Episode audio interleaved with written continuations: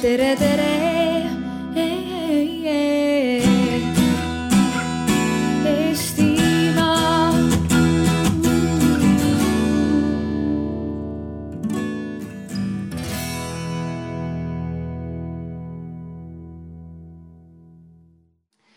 Äh, mina olen Külli Taro, Eesti Koostöökogu nõukogu liige.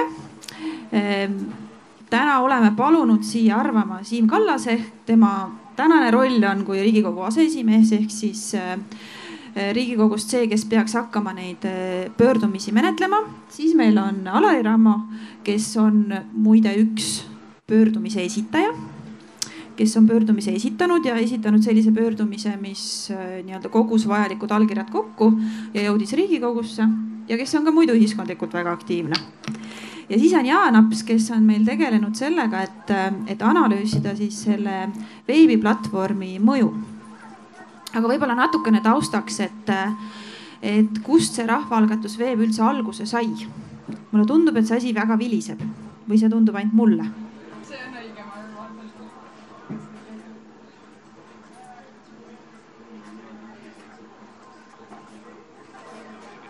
aga ma räägin edasi, siis te saate, siis te saate reguleerida.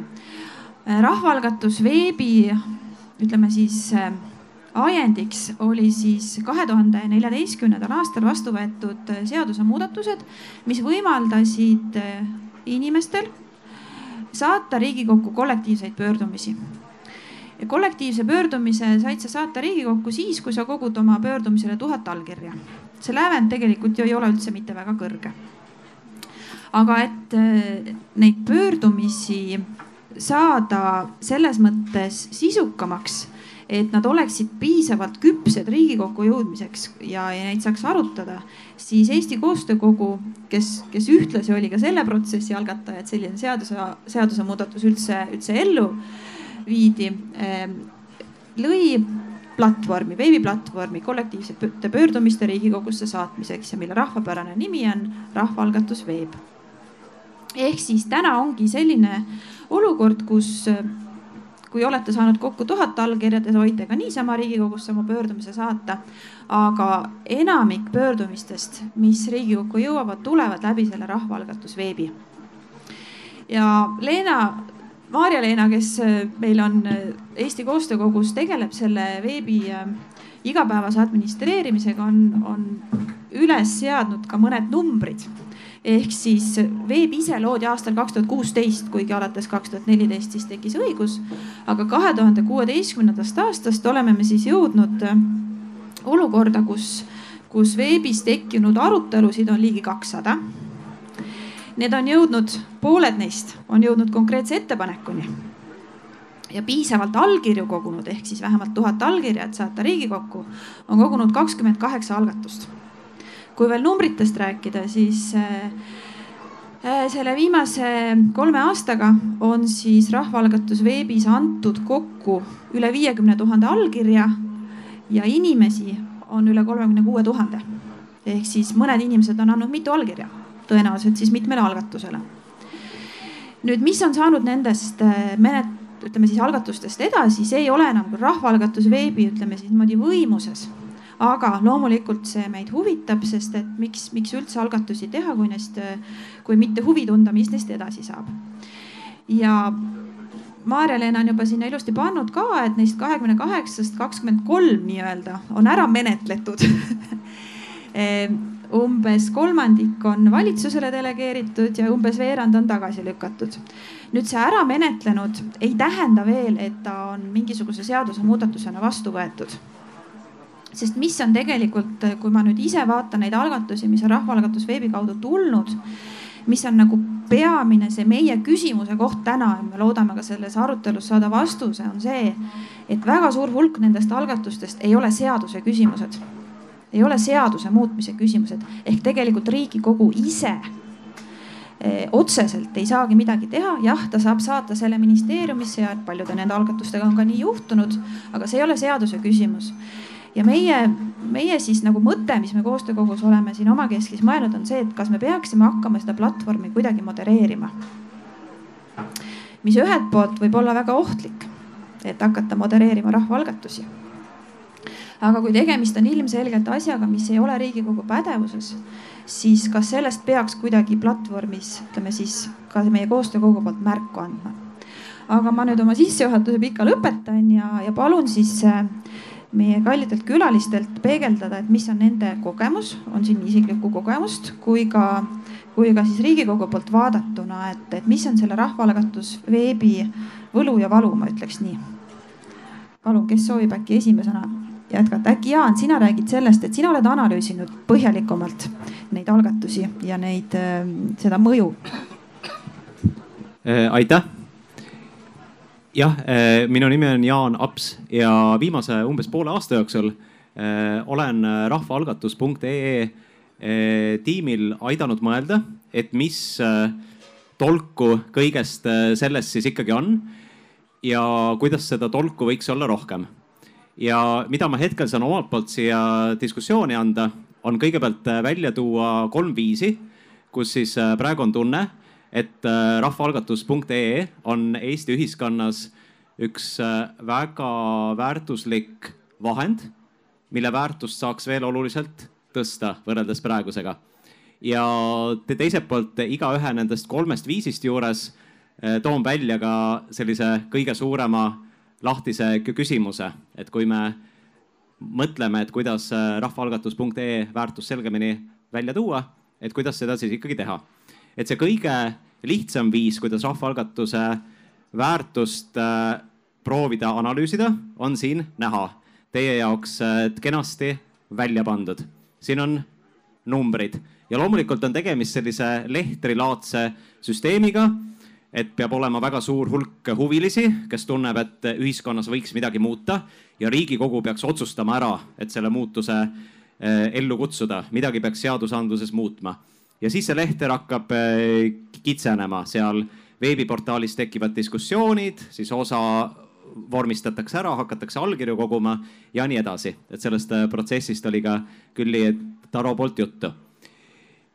Ehk siis numbreid kokku lugeda on lihtne ja loomulikult me teame, et paljudes valdkondades äh, selleks üheks ainsaks eesmärgiks peab olema numbrite suurendamine, et siis äh, tasub ennast see investeering ja töö ära, mis sellesse portaali pannakse.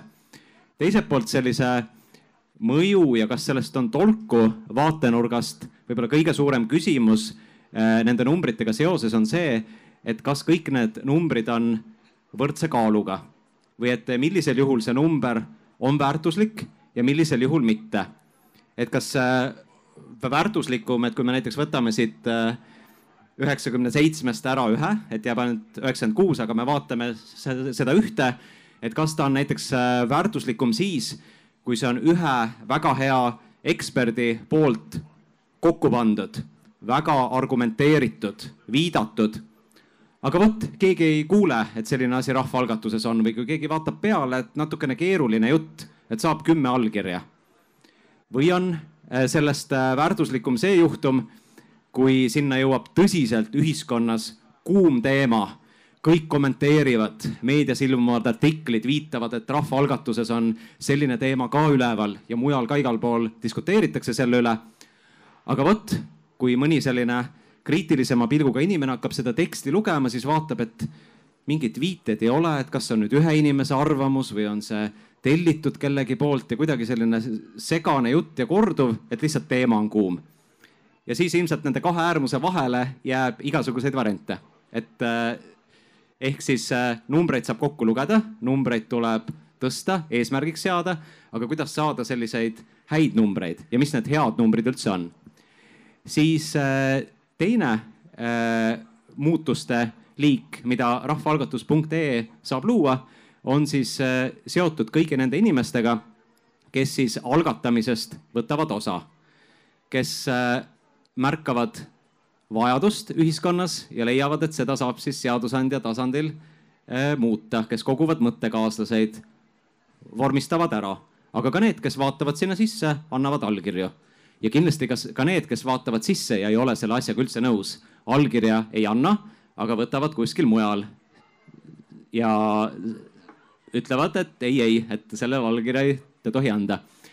et äh, ühelt poolt selles osas ju võiks ka tahta võimalikult suurt hulka numbreid, et oleks võimalikult palju siis aktiivseid kodanikke, kes on kas ise oma valdkonnas mõelnud, olgu see valdkond kasvõi lapsevanem olemine, et vot mingit asja võiks süsteemselt muuta ja et võimalikult palju oleks neid inimesi, kes on siis ka allkirju andnud või siis lugenud läbi ja teadlikult otsustanud, et vot sellele ma allkirja anda ei taha.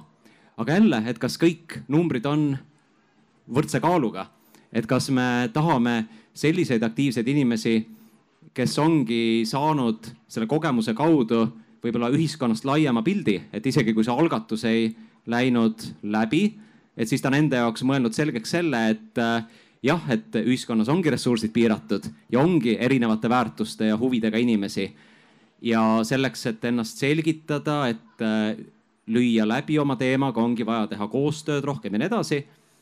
ja kui väga suureks muutuvad nende inimeste numbrid, kes on sellest osa võtnud ja näiteks see algatus ei ole läinud läbi või on läinud läbi sellised algatused, millega nemad teps mitte nõus ei ole ja nad kuidagi seda läbi mõtestanud enda jaoks ei ole, et võib-olla siis need suured numbrid ei olegi nii head.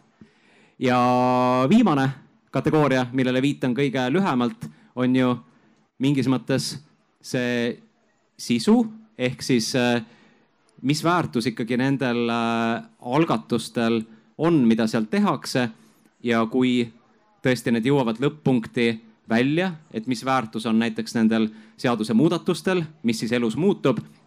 ja osade nende kuumemate teemade puhul nad ju keerutavad sellel teekonnal ühiskonnas võib-olla ka väga palju vahtu üles, et mis mõju sellel üleskeerutamisel on. ja kas me eelkõige tahame sinna selliseid algatusi, mis äh, ongi väga võib-olla polariseerivad, aga ühiskonda väga tervikuna mõjutavad, et igalühel on oma arvamus või me tahame ka selliseid asju, mis võib-olla teevad mingi asja korda kümne, kahekümne, võib-olla tuhande inimese jaoks. et justkui ei tekitagi suuri kirge, aga inimeste elu muutub paremaks, ehk siis äh, ka kokkuvõtvalt, et äh, mis väärtus on nendel numbritel ja kuidas seda väärtust äh, suurendada. et kuidas oleks rohkem positiivset mõju nendele inimestele, kes siis algatamises ja debattides löövad kaasa ja kolmandalt poolt, et kuidas siis oleks rohkem positiivset mõju nendel algatustel endil. aitäh, minu poolt praegu kõik aitäh ja enne kui ma palun Alaril kommenteerida võib-olla siis selle algatuse tegija poole pealt ja laiemalt eh, kodanikuühiskonna vaates, siis eh, veel natuke taustaks, et, et millest need pöördumised siis seni on olnud, et väga palju on keskkonnateemalisi pöördumisi. ja, ja enamus neist eh, noh, ei ole paraku kuskile väga jõudnud. nüüd ma vaatan siin, et, et mõne pöördumise osas juhtus ka nii, et eelmine Riigikogu palus algatada mm, seadusemuudatuse, aga, aga kuna Riigikogu läks laiali, siis, siis see eelnõu langes menetlusest välja ilma vastu võtmata. nüüd üks viimane algatus oli seotud ähm, ilutulestiku maksustamisega, selleks, et siis seda raha suunata vabatahtlike päästjate toetuseks. selle algatuse osas otsustas rahanduskomisjon, et, et ta ei toeta seda algatust. küll aga lubati vastuskirjas leida lisavõimalusi vabatahtliku pääste rahastamiseks. ehk siis konkreetset algatust ei toetatud, aga, aga probleem kui selline jõudis rahanduskomisjoni, mis siis ühtlasi Riigikogus vastutab eelarve menetlemise eest. aga Alari, mis on siis sinu muljed seni? tervist Alari, äh, töötan Vabaühenduste Liidus huvikaitse peal, mis tähendab, et minu töö peaks olema siis vabaühenduste ja aktiivsete kodanike huvide vahendamine valitsusele, parlamendile ja tagasi. vähemalt nende, kes tahavad, et ma neid huve vahendaks. ja me oleme nende vabaühendustega, kes kaasa räägivad, üsna ühel meelel, äh, et vabaühenduste rahastamine peab olema õiglane, aus, läbipaistev, ligipääsetav. Ähm, ja üks kahest sellisest suuremast rahapotist Eestis, üks oli hasartmängumaks, mida jagasid poliitikud, teine on nii-öelda katuseraha, millega me oleme üritanud võidelda aastaid. Äh, kes tõesti ei tea, siis katuseraha on no mina ütlen, et see on häälte ostmine äh, enamasti valitsuserakonnad, aga antakse ka opositsioonile natukene, saavad riigieelarve menetluse käigus mingisugused summad, mille siis kõik fraktsioonid või iga Riigikogu liige jagavad sellise viie minimaalselt viie tuhande kaupa, et saata see kuskile oma kodukanti et järgmine kord neid seal toetataks. sellega on poliitikud harjunud, sellega on inimesed harjunud. see kirik seal on, ma arvan, mingi kuuskümmend tuhat saanud. suht irooniline on, et see kasuhoone, kus me istume, on katuserahast ehitatud. ma ei peaks siin üldse olemagi moraalivastane, see linnamööbel, aitäh, sotsid. Ähm, ja ma ei ole olnud tohutu rahvaalgatuse entusiast, sest äh, mul on vähemalt üks kogemus, kus ma olen võtnud Riigikogu liikmel nööbist kinni, öelnud, et sellist seadusemuudatust oleks vaja ja ta on üksi selle läbi surunud. mingi juriidiline asi oli sihtasutuste seaduses. Äh, see on kõvasti-kõvasti lihtsam, kui ajada tuhat allkirja kokku, kui sa päästad mingeid nahkhiiri või, või kes need on, need teised lendoravad või, või pandasid või äh, legaliseeri-, legaliseerid narkootikume, siis äh, tuleb sul paari tunniga see tuhat allkirja kokku. aga kui on selline vastuoluline teema, inimestele tegelikult meeldib raha saada, ega kõik MTÜ-d ei ole üldse sellega nõus, mida mina teen. Äh, nad lausa küsivad poliitikult, et miks see aasta meie juurde ei tulnud. kohalikud lehed kirjutavad sadu artikleid sellest, alati mainitakse, milline partei tõi kodukanti selle, nagu Riigikogu liikme töö olekski mingisuguseid äh, kellasid äh, remontida kirikul. kirikud on tohutult suured katusraha saajad ehm, mul läks kolmteist kuud nende allkirjadega.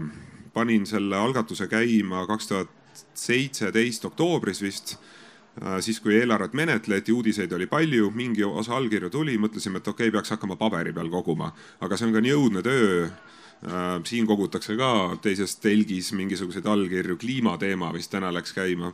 Äh, tohutult palju vabatahtlikke on vaja ja nii edasi ja siis millalgi aasta hiljem järsku tulid pauhti kokku need, ilmselt kas see oli äkki siis, kuidas? Uued katuserahad, eelmine aasta oli veel selline vahva valimiste-eelne olukord, kus, kui muidu need katuse, katuserahad on, Jeesus, palju need olid, mingisugune mõned miljonid, viis, neli, viis, kuus miljonit, vahel kõigub. Äh, siis valitsus tegi veel eelarvesse ettepanekud, äh, seal oli raske kokku lugeda, mis on katuseraha, mis ei ole, aga seal oli mingi kümmekond miljonit veel, mis natuke ajas kettasse inimesed. ja siis tulid need allkirjad kokku. Äh, palvetasin, et eelmine Riigikogu koosseis seda ei arutaks, sest ma kartsin, et lasevad kohe põhja selle, et ei teki mingit suuremat arutelu. Nad ei tahtnud või ei viitsinud arutada rahanduskomisjonis ja siis tuli uuele koosseisule, kes ju elas nii kaua sisse, et neli päeva enne selle kuuekuuse tähtaja kukkumist, siis me lõpuks leidsime rahanduskomisjoniga ühe hommikupooliku, kus oli pool tundi aega seda arutada. oli meeleolukas, eks see on ikka meeleolukas, kui on Jürgen Ligi ruumis või kui mina olen ma kiidan Riigikogu tegelikult väga, et hulk aastaid on Riigikogu palju avatumaks muutunud, väga palju on avatud komisjonide istungeid, ülekandeid internetis. see oli kinnine komisjoni istung, samal päeval arutati ka seda ilutulestiku asja ja siis higistas veel ukse taga hästi palav päev, oli äh, kaks rahandusministeeriumi asekantslerit valgete särkidega, kes tulid mingist hirmsast maksuteemast või aktsiisi asjast rääkima, mis seal erakondadele natuke olulisem on oli meeleolukas selles mõttes, et loomulikult opositsioon toetas mind, sotsid ja Reformierakond. Reformierakond, kui nad on opositsioonis, siis nad on väga raevukalt katuseraha vastu, mis on meeldiv, aga kui nad valitsuse saavad, koer teab, mis siis saab. Keskerakond ja Isamaa muidugi kaitsesid riigikogu liikmel peab olema mingi roll, mingi suhe oma valijatega ehk siis valijate äraostmine ehk siis nad panid tuima või peksid segasti, EKRE esindaja ütles, et nemad ei ole seda küsimust arutanud ja tema ei julgenud midagi öelda. aga EKRE-t peab jälle kiitma, et äh, nemad eelmist katuseraha jagasid selliselt kõige isetumalt, et nad ei viinud kuskile oma valimispiirkonda, vaid andsid vist vähiravifondile, muidugi oleks võinud otse haigekassale anda ja, ja mingid naiste varjupaigad oli, mis on ka jälle natuke irooniline, aga las see jääb äh, pärast protokollist lugesin asju, mida ma ei mäleta, et koosolekul räägiti.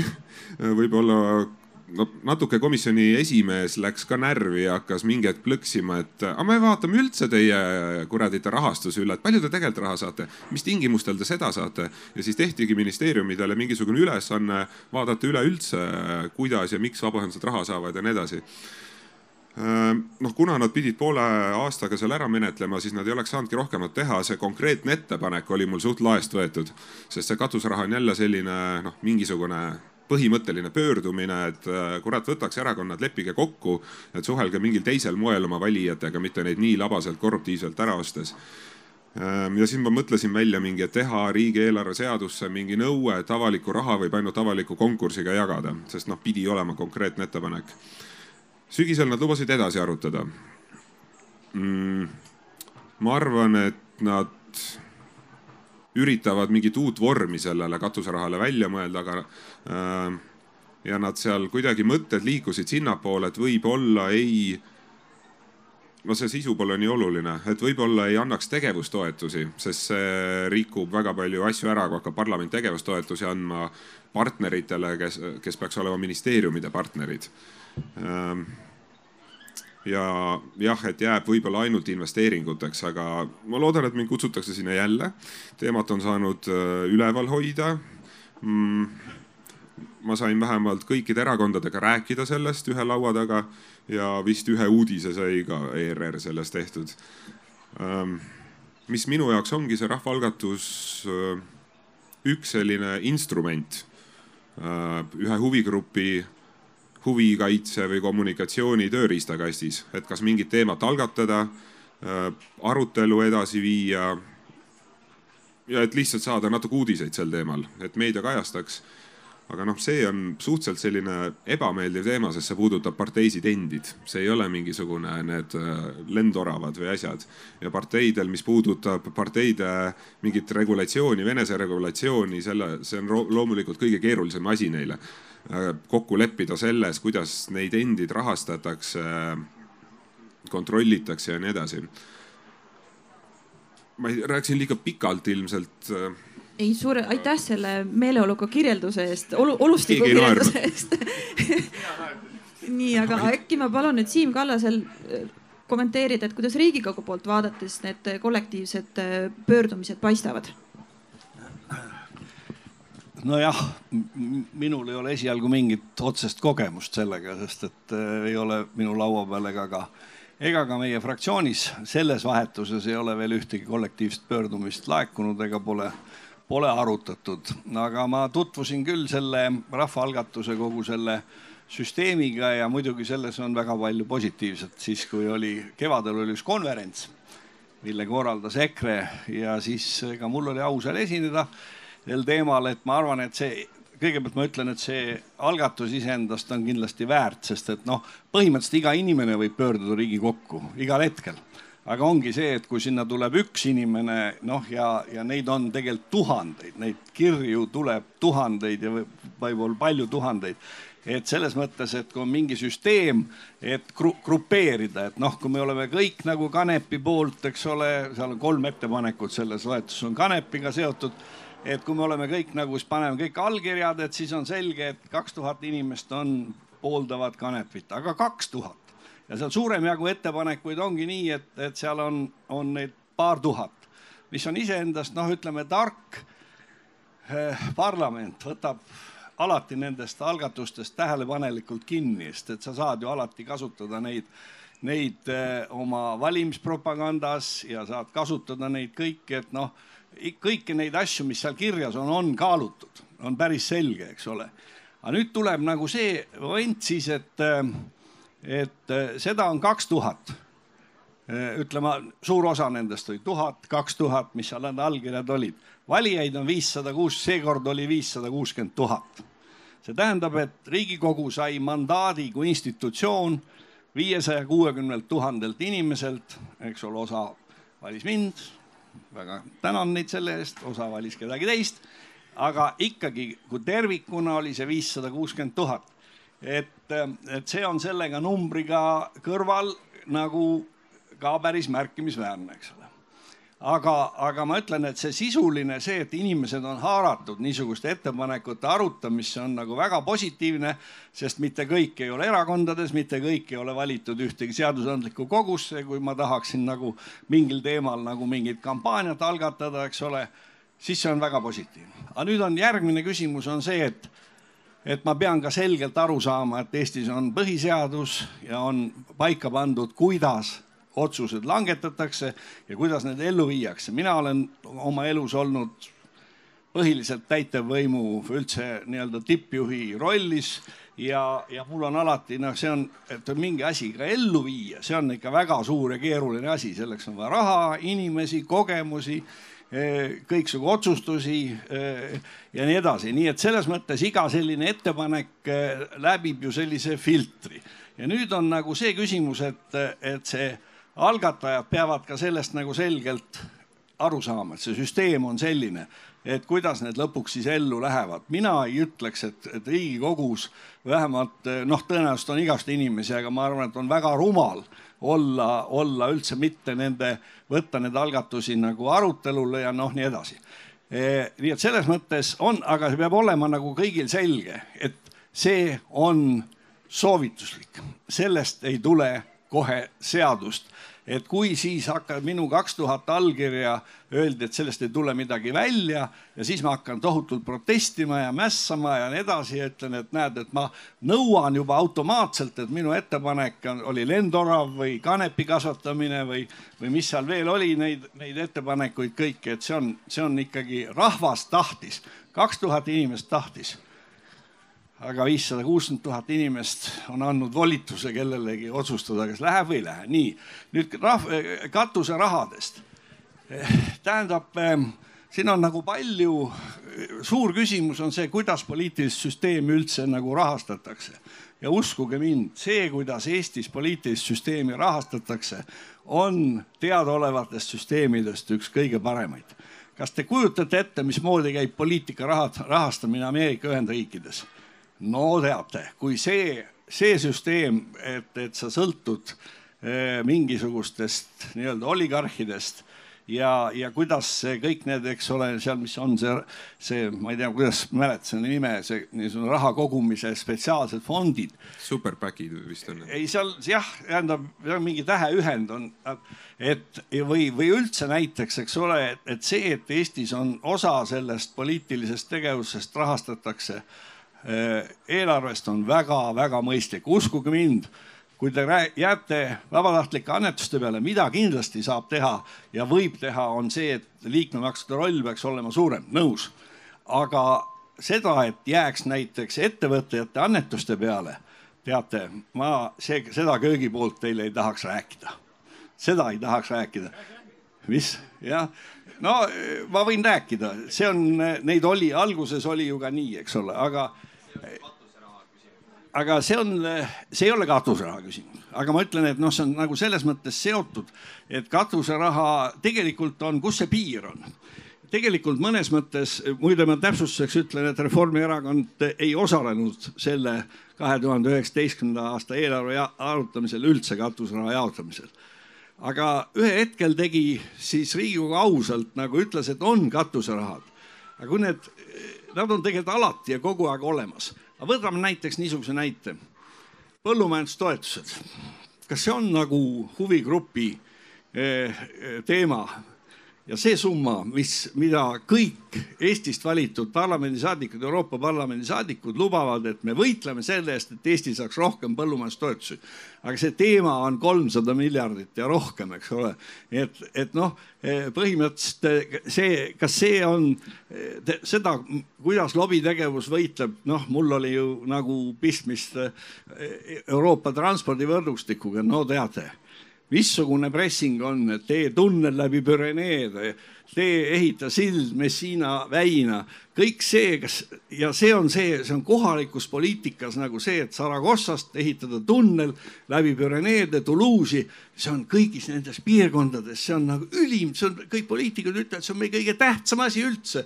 noh, ja seda muidugi mina ütlesin, et ei tule, no vähemalt ei pea tingimata niisuguseid asju võtma, aga kus see nagu see piir on või eks oluline on muidugi see, et see on ka mõnes mõttes aus, et see on transparentne ja noh, kui siin kirik tehti ja veel üht-teist tehti ja no mis siis seda nagu paha on, eks ole, vanasti lihtsalt sellest nii ei räägitud, eks ole. ma ei tea, kuidas me küll Saragossasse jõudsime rahvaalgatusega, aga no, aga no parteid saavad, parteid saavad eelarvest igal aastal äh, toetust, ka vist nüüd need saavad hästi natuke kas välja välja jäävad või ei saa või? saavad jah. häälte, häälte, häälte arvu põhjal. sa pead üle teatud künnise saama siis. saavad mingi neli-viis miljonit, aga võtke siis suurendage seda, kui sul on tõesti vaja kahte miljonit aastas, et saada Riigikogu juhatusse. ma ei tea, kuhu panna kaks miljonit aastas. kui nüüd päris aus olla, see kõik katuserahad ei lähe erakondadele ja, ja kõik erakonnad ei, ei, ei suuna alati katuserahasid oma, oma nii-öelda huvi, huvi, huviorbiidile ja. see on nii ja naa aastate. katuseraha ei ole meil see peateema, aga katuserahadega on lihtsalt see, et natukene kukub meie sellest süsteemist välja lihtsalt seetõttu, et Riigikogu on seadusandja, seaduslooja ja Riigikogu ei tee üksikotsuseid aga katuseraha on üksikotsus oma olemuselt. see on äh, täitevvõimu teostamine. see on täitevvõimu teostamine, aga oh. ma tahaks küsida selle sinu nii-öelda selle menetluse kohta, et, et, et katuserahadest me võime rääkida nii ja naapidi, et noh, see, see, see on nagu see sisuline debatt.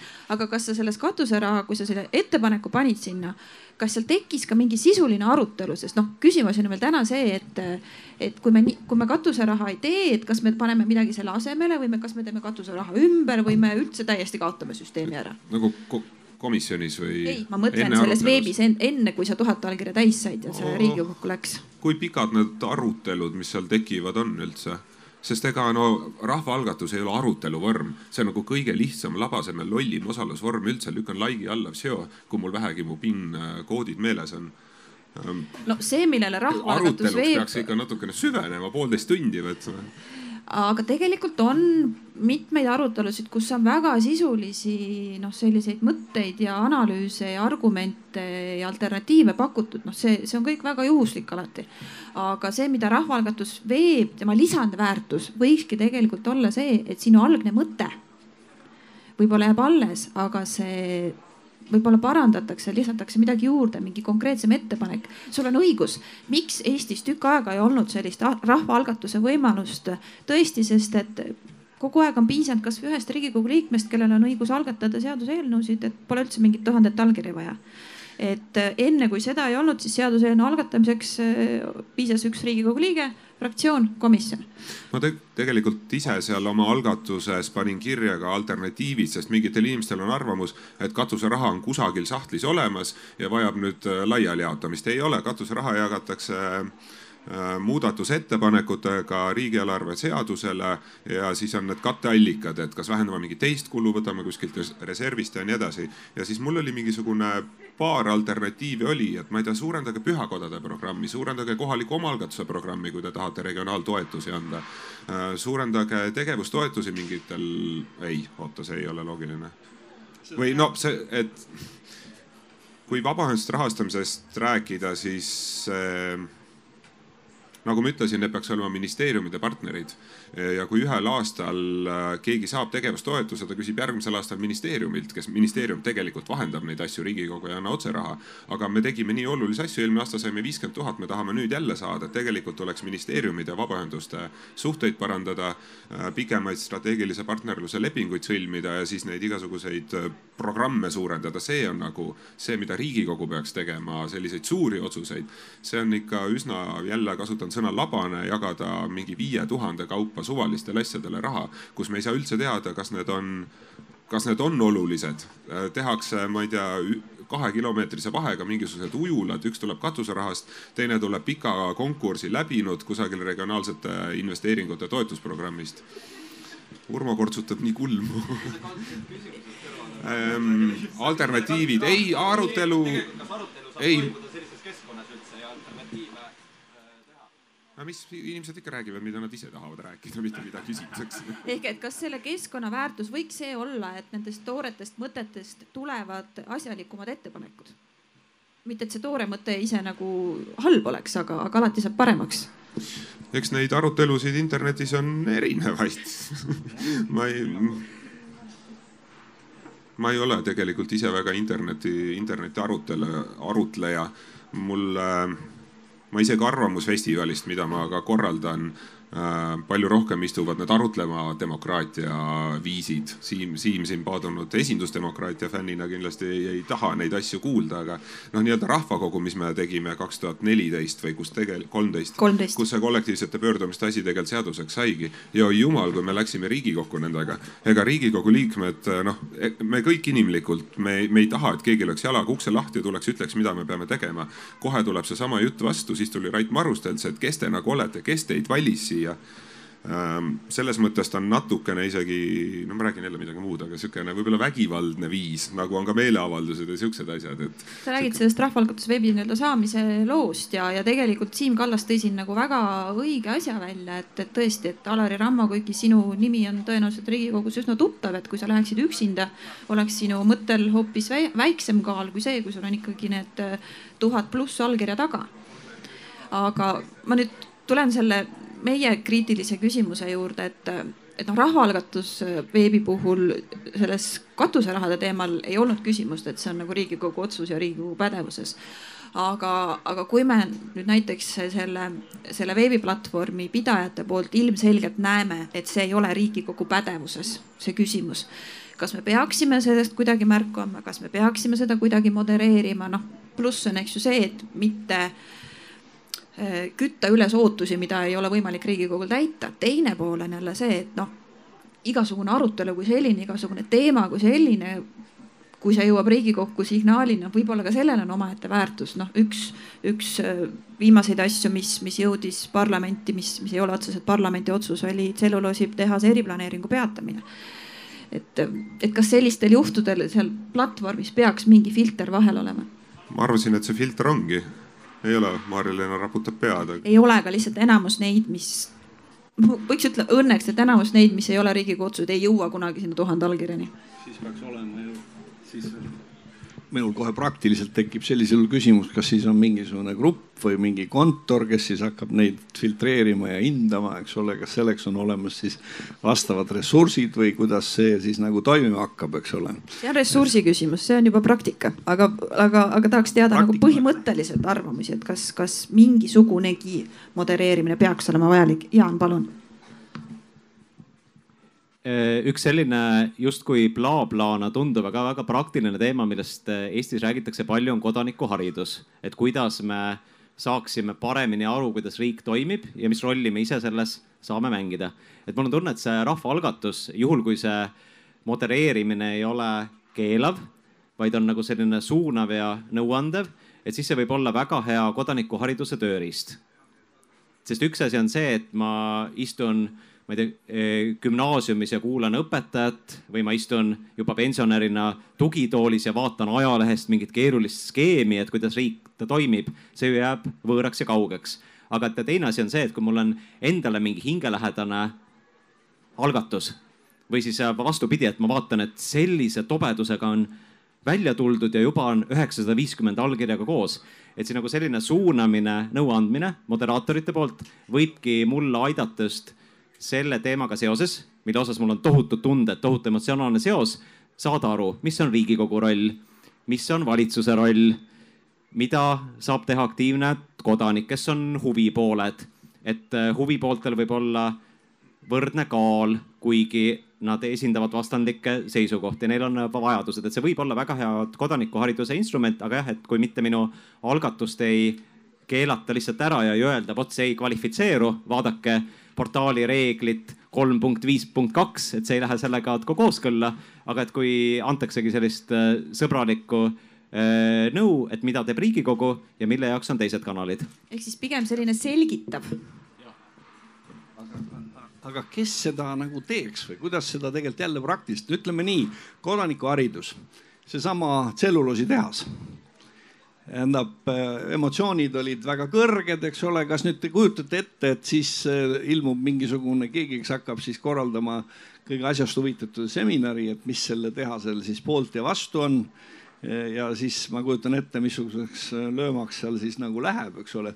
et kuidas sa seda, kuidas ei noh, muidugi oleks parem, kui nendel oleks mingisugune filter, aga minu meelest on väärtus ka sellisena, kui see portaal on selline, eks ole, et ta eh, ongi nii, et noh, tulevad kolm eraldi, eraldi ettepanekut kanepi kohta siis, eks ole, karusloomakasvatuse ära ja siis on diametraalselt vastupidised, no ja mis siis las nad tulevad siis diametraalselt vastupidised, et kui, kui nüüd te kujutate ette, et siis tuleb mingisugune, mingisugune institutsionaliseeritud vahegrupp või vahe, vaherühm inimesi, kes hakkab, see on tohutu töö muuseas.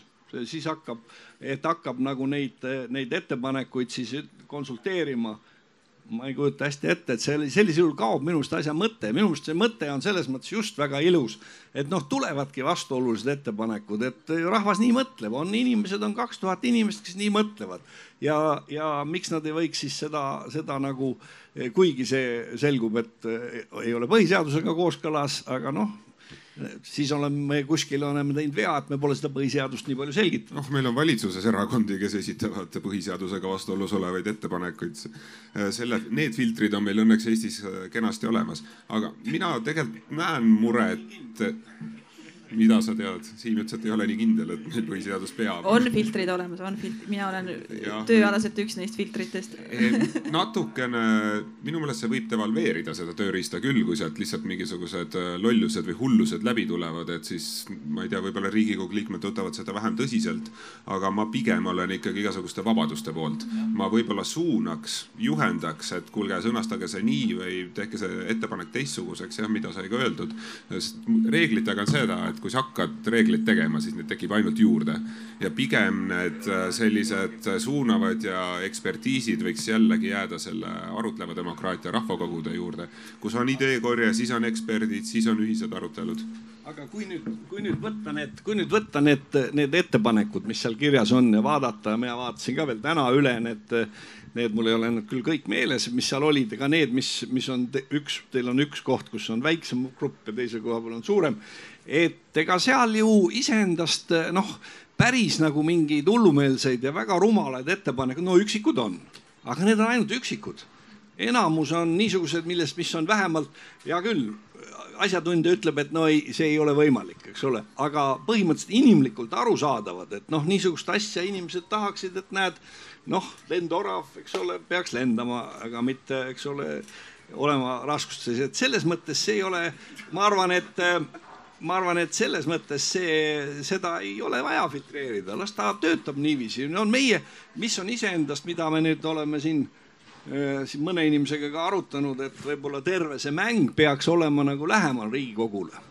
Üldse, eks ole, et ta ju olekski siis nagu kohe tuleks sinna, eks ole, ja, ja ta on mingisugune automatism, et tulevad need ettepanekud ja neid siis kuidagi siis inimesed nagu, nagu kõik. Jumala aparaat on, Riigikogul on küll küll võrreldes muude maailma parlamentidega. Väga väike aparaat, aga no Riigikogu liikmed ise saavad vaadata ja hinnata neid ja et selles mõttes see võiks olla, olla, minu arvates on see nagu loominguline, esiteks on see portaal nagu selline loominguline ja, ja need ideed, mis seal on, on ka loomingulised, mis sest, et noh, ütleme väga raske on kõiki neid ellu viia, aga mõni asi läheb ja no.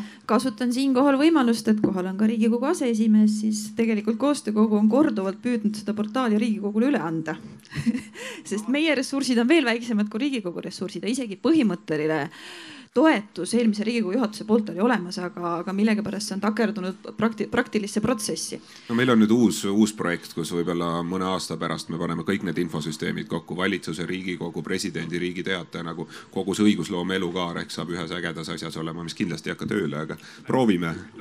aga see on asi, mis on olemas, mis toimib, küsimus on lihtsalt see, et kes seda nagu haldab täna. aga mida ma mõtlesin selle selgituste või modereerimise all on see, et kui nüüd sellest tselluloosi teha tehase eriplaneeringu näitest äh, rääkides, siis seal oleks saanud lihtsalt selgitada, et riigi eriplaneeringu algatamine on valitsuse pädevus, see ei ole Riigikogu pädevus. noh, ma mõtlesin lihtsalt seda, aga samas võib-olla sõn-, samas võib-olla nagu sõnumina, et see ikkagi Riigikokku jõudis, noh näitas, mis on inimestele oluline, noh loomulikult äh, need, kes arvavad teistmoodi, sellele asjale allkirja ei andnud, onju. aga, aga aga just nagu see selgitav pool ja mis puudutab põhiseaduspärasust, siis me oleme ka seda mõelnud, et, et kui mõni ettepanek on ilmselgelt põhiseadusega vastuolus, siis sellest võiks ju märku anda, aga samas põhiseadust on alati võimalik muuta. et me ei taha seda nii-öelda pidurdada, et see ettepanek võib Riigikokku jõuda ja, ja Riigikogu siis otsustab, et kas, kas, kas on nagu teemat või ei ole teemat. võib-olla põhiseadust ei näperdaks. aga mina alguses, päris alguses olin ka pigem, et äh, esimene pöördumine oli minu meelest Vabaerakonna oma või? siis ma mõtlesin, et mida, oli lendorav või? minu meelest alguses hakkasid äh, erakonnad seda ära kasutama või äh, mitte rahvaalgatuse oma, vaid esimene kollektiivne pöördumine paberil, mitte see veebi oma. siis ma mõtlesin, et kas nad olid parlamendis ka või siis ma mõtlesin küll, et kurat, võtaks te, saite valimistel parlamenti ja nüüd te tulete siit mingit tuhandet allkirja sitsima. mulle tundus see nagu kaaperdamine või mingi enda kasuks erakondadel. sada protsenti nõus Siim on nõus. ei no meie olemegi seal, eks ole. põhimõtteliselt ongi nii, et, et Riigikokku inimesed ongi ju selleks valitud, eks ole, et, et oma ideid seal esitada, neid kaitsta, eks ole, ja siis noh, muidugi aeg-ajalt korraldatakse meeleavaldusi ja nii edasi, aga, aga see on nagu ülimalt veider, kui sa ühesõnaga tunnistad siis ennast nagu niisuguseks, eks ole, abituks, et sa ütleme ise ei saa kirjutatud niisugust ettepanekut ja siis mobiliseerid mingisuguse, mingisuguse keerulise tee, et rahvas tegi ka niisuguse ettepaneku. Sina oledki ju tegelikult selleks seal, rahvas ongi sind valinud, et sa neid rahva ettepanekuid menetleks nii, aga me räägime rahvaalgatusest, aga, aga ma ei ole veel siiani sõna andnud äh, rahvale ehk siis kõigile teile, kes te olete siia kogunenud. kas teil on tekkinud mõtteid või ideid või ettepanekuid, kuidas, äh, kuidas neid äh, suurepäraseid mõtteid paremini Riigikokku viia? Ärge nüüd kõik korraga siis. ja tõeline tung, tõeline tung. aga kui mina vaatasin seda nimekirja, äh, mis, mis, mis nagu ettepanekuid on tehtud, siis, äh, siis. härra, härra Kübar vehkis natuke, tal varsti tuleb kohe, perenaine. kohe, kohe, kohe kannata natuke, ma kohe annan sulle mikrofoni. aga tegelikult mulle nagu tõsiselt jäi silma see just keskkonnateemade rohkus küll seal olid GMO kultuurid, glüfosaadi keelustamised, jah, et, et järelikult see nagu on teema, mis on oluline inimestele, mida nad siis võib-olla tunnetavad, et, et Riigikogu ei tegele sellega piisavalt või, või, või ma ei oska öelda, mida sellest nagu järeldada, et just need keskkonnateemad on väga populaarsed. seal on väga-väga rikkad huvigrupid vastas. glüfosaadi keelustamise osas no,. aga sa mõtled, et need, kes ei taha keelustada? aeg on selline, et kaks suve järjest Eestis kolmkümmend kraadi ja rohkem, eks ole, paneb ikka kõiki mõtlema, et kui see asi hakkabki nüüd nii olema, eks ole, ma arvan, et see suur, tegelikult on see terves Euroopas ja maailmas on niisugune mõtteviisi muutus, nii et, et see, et need keskkonnateemad ka nii-öelda praktilisel tasandil kerkivad, et nendega peaks tegelema. ma arvan, et selles mõttes on olemas ühiskondlik tellimus, et kui nad tulevad need igalt poolt, et kõik erakonnad mõtlevad ju selle peale ka ja et kui siin on veel erakondade esindajaid, siis pange kõrva taha ühiskondlik tellimus, keskkonnateemad. Maarja-Leena, kas sa saad Urmole äkki mikrofoni anda?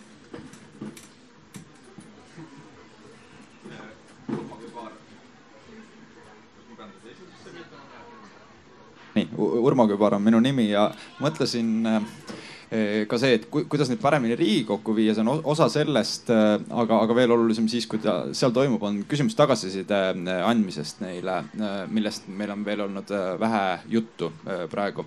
et, et üks osa on siis tõesti tagasiside andmine sel ajal, kui see arutelu alles käib ja sul oli küsimus, et noh, et kuivõrd seda nende rahvaalgatuste puhul toimuda saab, et, et ma olen ka vist natukene pigem skeptiline, et see veebivorm ei kipu nagu väga sisukat arutelu toetama, ehkki nagu üksikutel juhtudel äh, õnnestub ka äh, sellesama rahvakogu ajal, kui käis ideekorje, siis seal mõningatel juhtudel tekkis täitsa tore niimoodi pingpong, kus nagu ideed arendatigi edasi mitme inimese poolt ja jõuti kuidagi äh, selliste paremate ettepanekuteni, aga, aga see on õigus Siim Kallasel, et see on meeletult ajamahukas äh, ja, ja nõuab palju aega, et rahvakogu oli ühekordne asi ja seal oli noh, hästi tegijatel hästi palju entusiasmi sellega tegeleda ja, ja seda tehti oma vabast ajast äh,, aga aga sarnast asja uskuda, et regulaarse äh, keskkonna puhul suudaks üleval hoida eriti minu meelest Riigikogu kommunikatsiooniosakond noh, ei ole ka suutnud ennast nagu tõestada sellise äh, asutusena, et kus, äh, kus inimestele noh niimoodi antakse tagasisidet, et nad nad nagu aru saaksid, mis, mis seal toimub. et ja, ja see on teine kriitiline koht on, on ka siis, kui ettepanek on juba sõnastatud ja Riigikokku jõudnud, et siis need inimesed saaksid arusaadavas keeles, et, et noh, et kui ta läks siis nüüd valitsusele või, või siis üldse lükati tagasi, et, et mis seda tehakse, et, et see oleks natukene argument, et kogu selle asja Riigikoguga liitmise vastu, et, et mulle tundub, et mõni kodanikualgatus saab selle suhtlemisega paremini hakkama inimestega, et rahvakogust jällegi mäletan seda, et inimesed lihtsalt kasutavad ka valesid termineid oma ettepanekutes. noh, näiteks rääkides üksik häälte ülekandumisest äh, valimissüsteemi puhul, mille kohta ametnik ütleb, et aga sellist asja Eestis ju ei ole. kuigi nagu inimesena sa saad aru, et ta pidas silmas äh, asendusmandaate või, või mingeid nagu noh, niisuguseid äh, asju. et, äh, et see kommunikatsiooni küsimus küsimus on, on oluline, et seda tehtaks ja, ja tehtaks arusaadavas keeles ja ma arvan, et see on esit-, ettepaneku esitaja jaoks tähtsamgi veel kui see, et kas konkreetselt võeti nüüd seadus vastu või, või mitte, et, et ta näeks, et selle asjaga on tõsiselt töötatud ja talle selgitatud, et mis, mis toimus ja miks. riigikogu igas komisjonis on kas mingi kolm ametnikku või? sellega ei tegele kommunikatsiooniosakond, vaid mingi, mingi õnnetu maimu, kes tanki lükatakse, et pane mingi vastus kokku nüüd nendele hulludele. no oma majast ka, et juristide vastused ei ole tavaliselt see, mida inimene ootaks. Ja, aga siiski, kui sa lihtsalt kodanikuna kirjutaksid Riigikogule, siis sa ei saaks komisjonist vastust, ma kahtlustan. siis see kiri ei jõuaks, võib-olla, võib-olla ei jõuaks isegi komisjoni, kui sa lihtsalt kirjutaks Riigikogu üldaadressile ja oleme kirja saanud ja, ja nii edasi. aga, aga nüüd natuke veel tahaks saada nagu tagasisidet selle, selle veebiportaali kohta ja kasutamise kohta, et kas seda kasutada on mugav need, kes on seda kasutanud, kas seda kasutada on mugav? mis minule jälle või? sina oled ju kasutanud. mina ei mäleta. ma ei saanud muuta seda teksti pärast enam, see ajas närvi natukene aga ta, ta... see on tõesti nii, et kui sa oled juba allkirjad alla saanud, siis seda teksti enam muud nii ei saa, ka mina... välja kuulutatud seaduses võib ilmseid ebatäpsusi parandada Riigi Teatajas. no punktid-komad võib-olla tõesti, aga, aga et kui sa kogud allkirja katuseraha ettepanekule, siis pärast allkirju teed sellest hoopis lendorava ettepaneku, et nii ei saa. see oleks lahe, aga ei, ta, ta läheb üha paremaks. Marja-Leena teeb, teeb tublit tööd ja palju sõltub ka sellest, kui hästi see veeb Riigikogu äh, andmete, nende andmebaasidega suhtleb. Äh, igasuguseid automaatteavitusi tuleb juba, et nüüd toimus see ja nüüd teine ja saab äh, saata vist osalejatele kirju ja mingeid asju seal teha ja ta, ta läheb ägedamaks. kui Riigikogu ise seda peaks, siis ta oleks kindlasti mingisugune igav käkk, vaadates seda, milline Riigikogu koduleht välja näeb, mis lihtsalt ei tööta. äkki sa Maarja-Leena natukene kommenteerid, et mida sa seal juurde oled teinud? sina oled ju tegelikult see, kes igapäevaselt äh, hoiab töös. tere, jah, mina tõesti hoian seda, ma tõusen püsti, et sealt tagarida ka näeb. et äh, suve jooksul me oleme päris palju uuendusi sinna sisse viinud just selleks, et seda tagasiside ringi äh, paremaks teha. et äh, kui varem liikusid e-kirjad, siis nüüd liigutavad ikkagi neid teateid masinad. et see tundub nagu väike uuendus, aga tehnilises mõttes päris suur uuendus, et ja siis lisaks veel sellele saab algataja ise suhelda oma auditooriumiga küll niimoodi, et see kiri jääb sinna menetlusvaatesse maha, et äh, kuskil taustal midagi ei liigu, et kõik on läbipaistev. et see on olnud see printsiip, mille, mida me oleme alati silmas pidanud, kui me neid arendusi oleme teinud. et see on niisugused viimased äh, projektijuhi ettekand- ette, ette, ettekanne nii-öelda. kas sa pahandada ka saad nende portaali kasutajate poolt? Ja miks? aa, see, see on tõesti väga huvitav, et ma teen ise ka kogu seda tagasisidet ja algatajad on ikkagi väga kirglik osa Eesti ühiskonnast ja, ja samas on ka, ma olen seal nii-öelda vahepeal, et teistpidi ka siis menetleja vaatab mind kui algatajat, aga algataja vaatab mind kui menetlejat ja seda tagasisidet ma saan siis hästi vahetult. ja kõige huvitavam tagasiside, mis on olnud, et kui teema on hästi kuum ja sotsiaalmeedias saab hästi palju tähelepanu ja allkirju ei tule, siis arvatakse, et portaal on katki.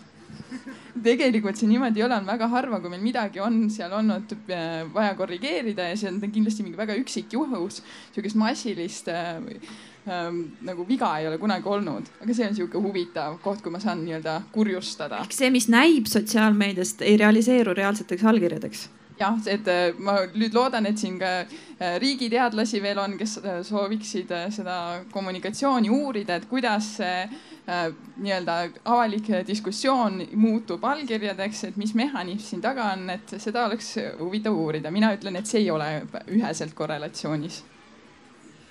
veel pahandamist või Siim tahab kommenteerida, et diskussiooni allkirjad? mul lihtsalt meenub, ma, ma loodan, et, et asi ei arene nagu selles suunas. kaks korda tuleb mulle meelde, on midagi taolist juba algatatud. üks oli siis, kui peaminister oli Tiit Vähi, siis avas ühesõnaga oma kodulehekülje, kus siis kõigil oli võimalik siis sinna kirjutada ja ühesõnaga sai inimestega siis nagu otse suhelda ja see muutus niisuguseks sõimuks, et valitsus pani selle kodulehe kinni siis järgmine oli, mis, kus mina juba olin ka valitsuses, oli meil ühine ettevõtmine Täna otsustan mina.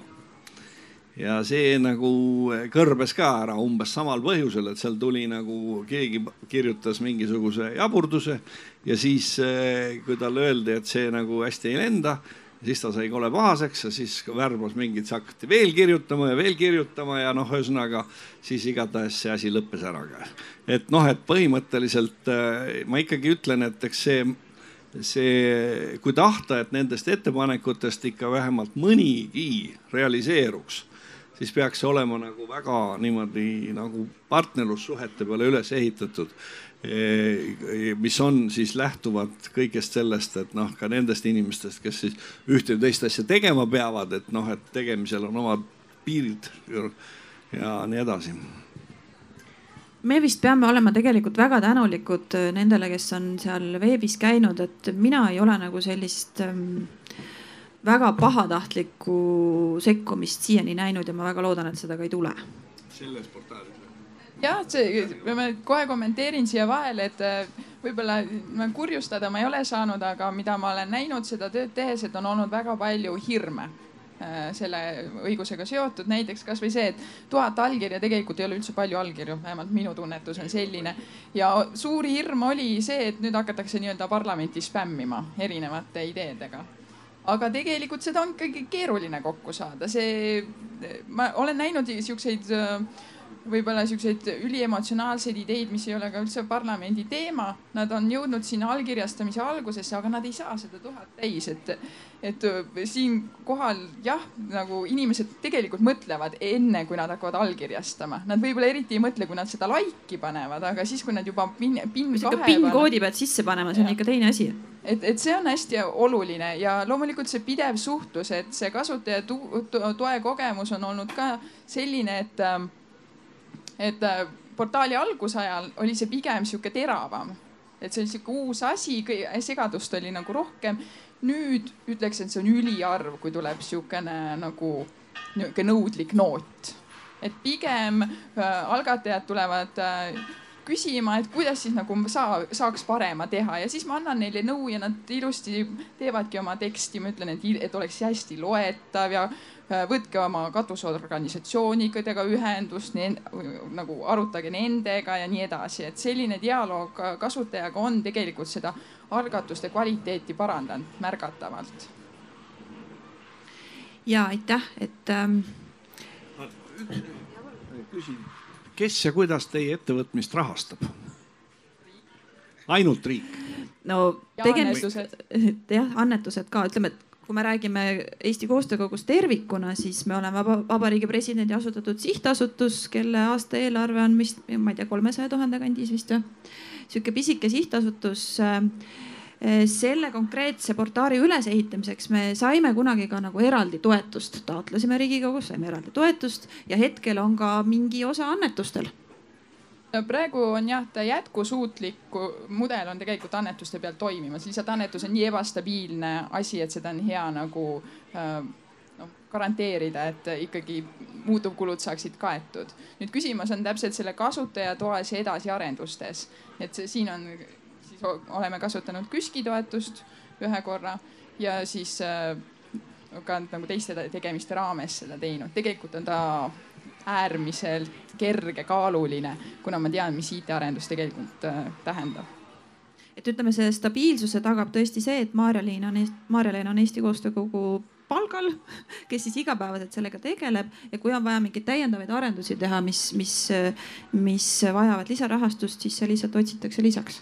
see on ikka, sektorite piirid on ikka nii uduseks läinud, kui riigi sihtasutus peab eraisikute annetusi koguma hakkama. äkki katuseraha? Koostöökogu on saanud katuseraha, muide ja. kes ei ole? on saanud katuseraha ja sellepärast ma julgen ka väita, et sel, tollel aastal katuseraha saam-, siis oli ka muidu see rahvakogu muidu, mida koostöökogu tegi. tol aastal saime ka katuseraha.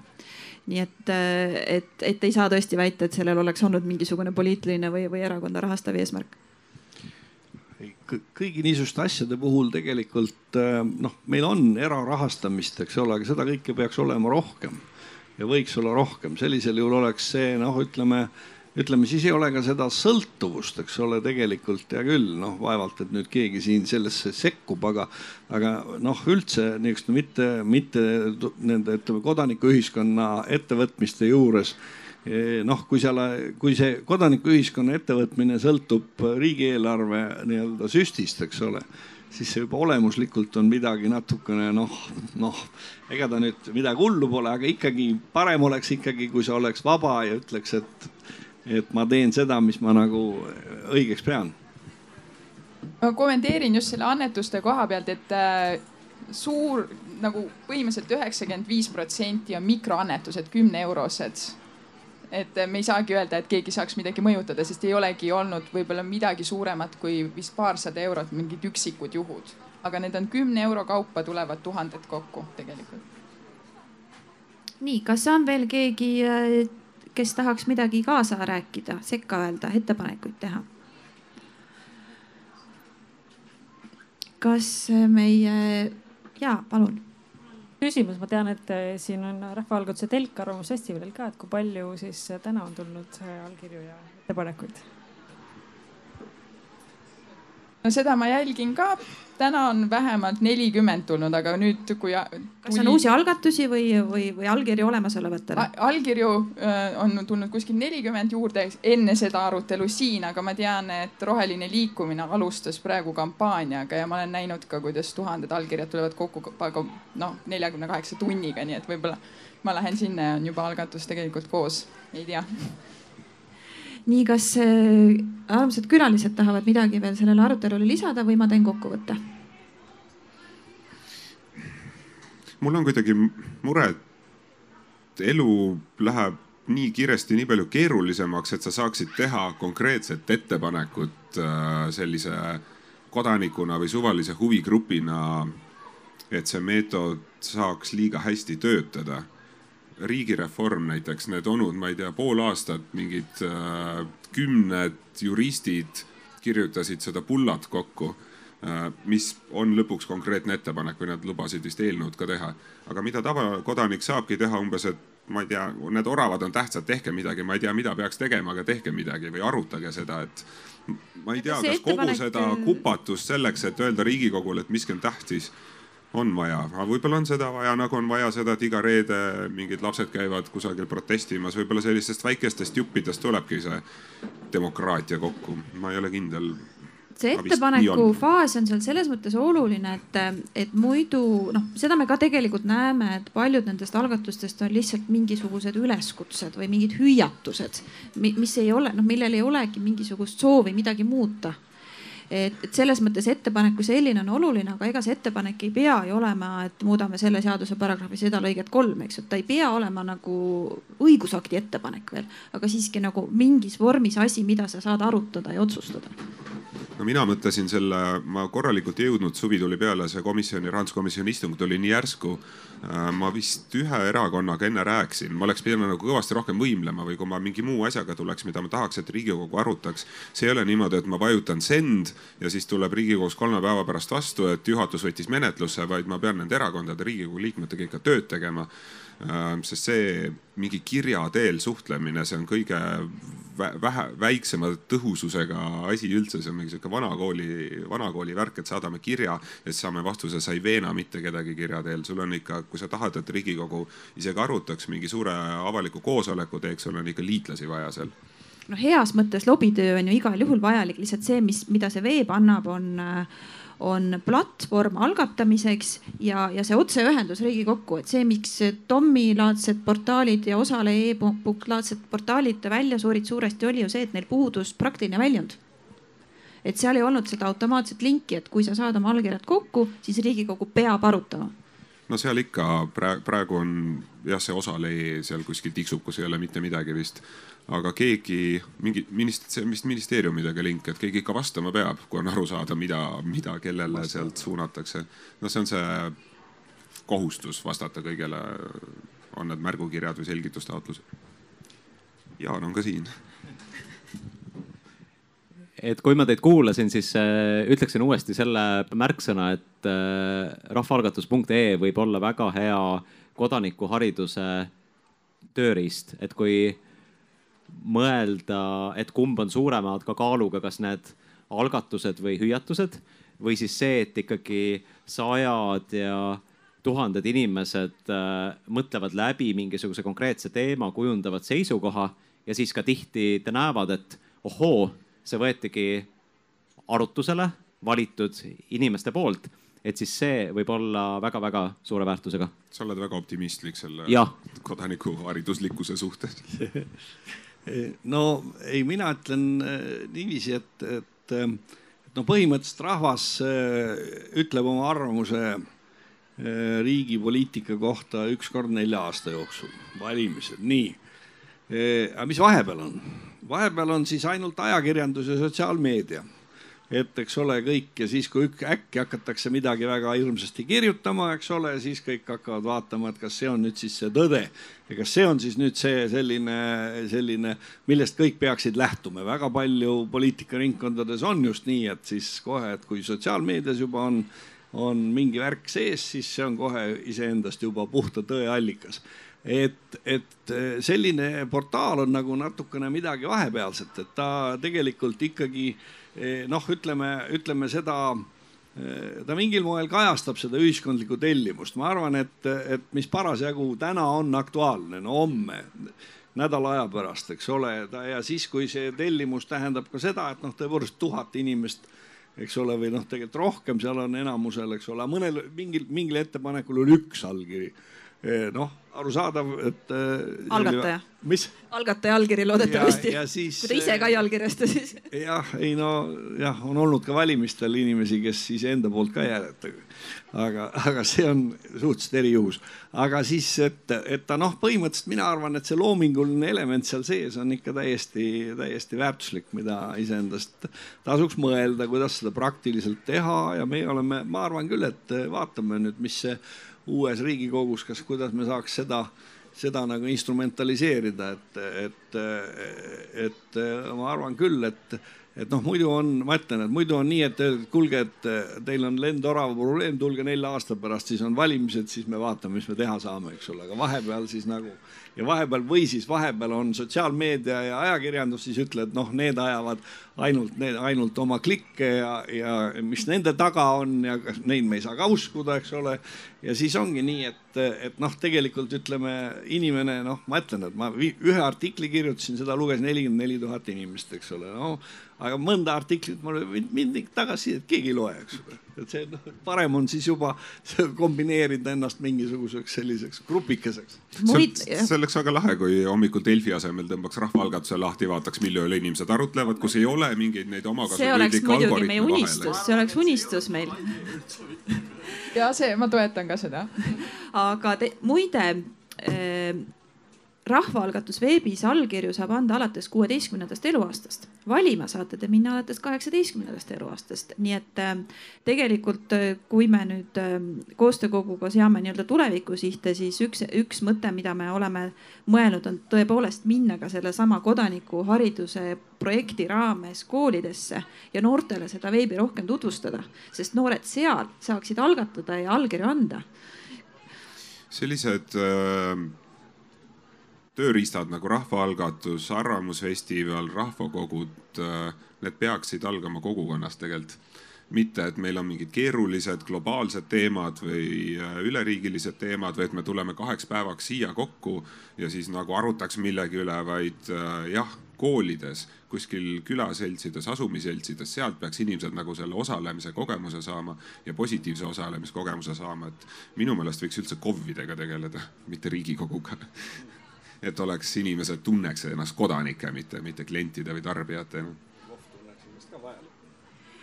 ja ma nüüd veel küsin, et kas kellelgi on tekkinud ettepanekuid, mõtteid, kommentaare?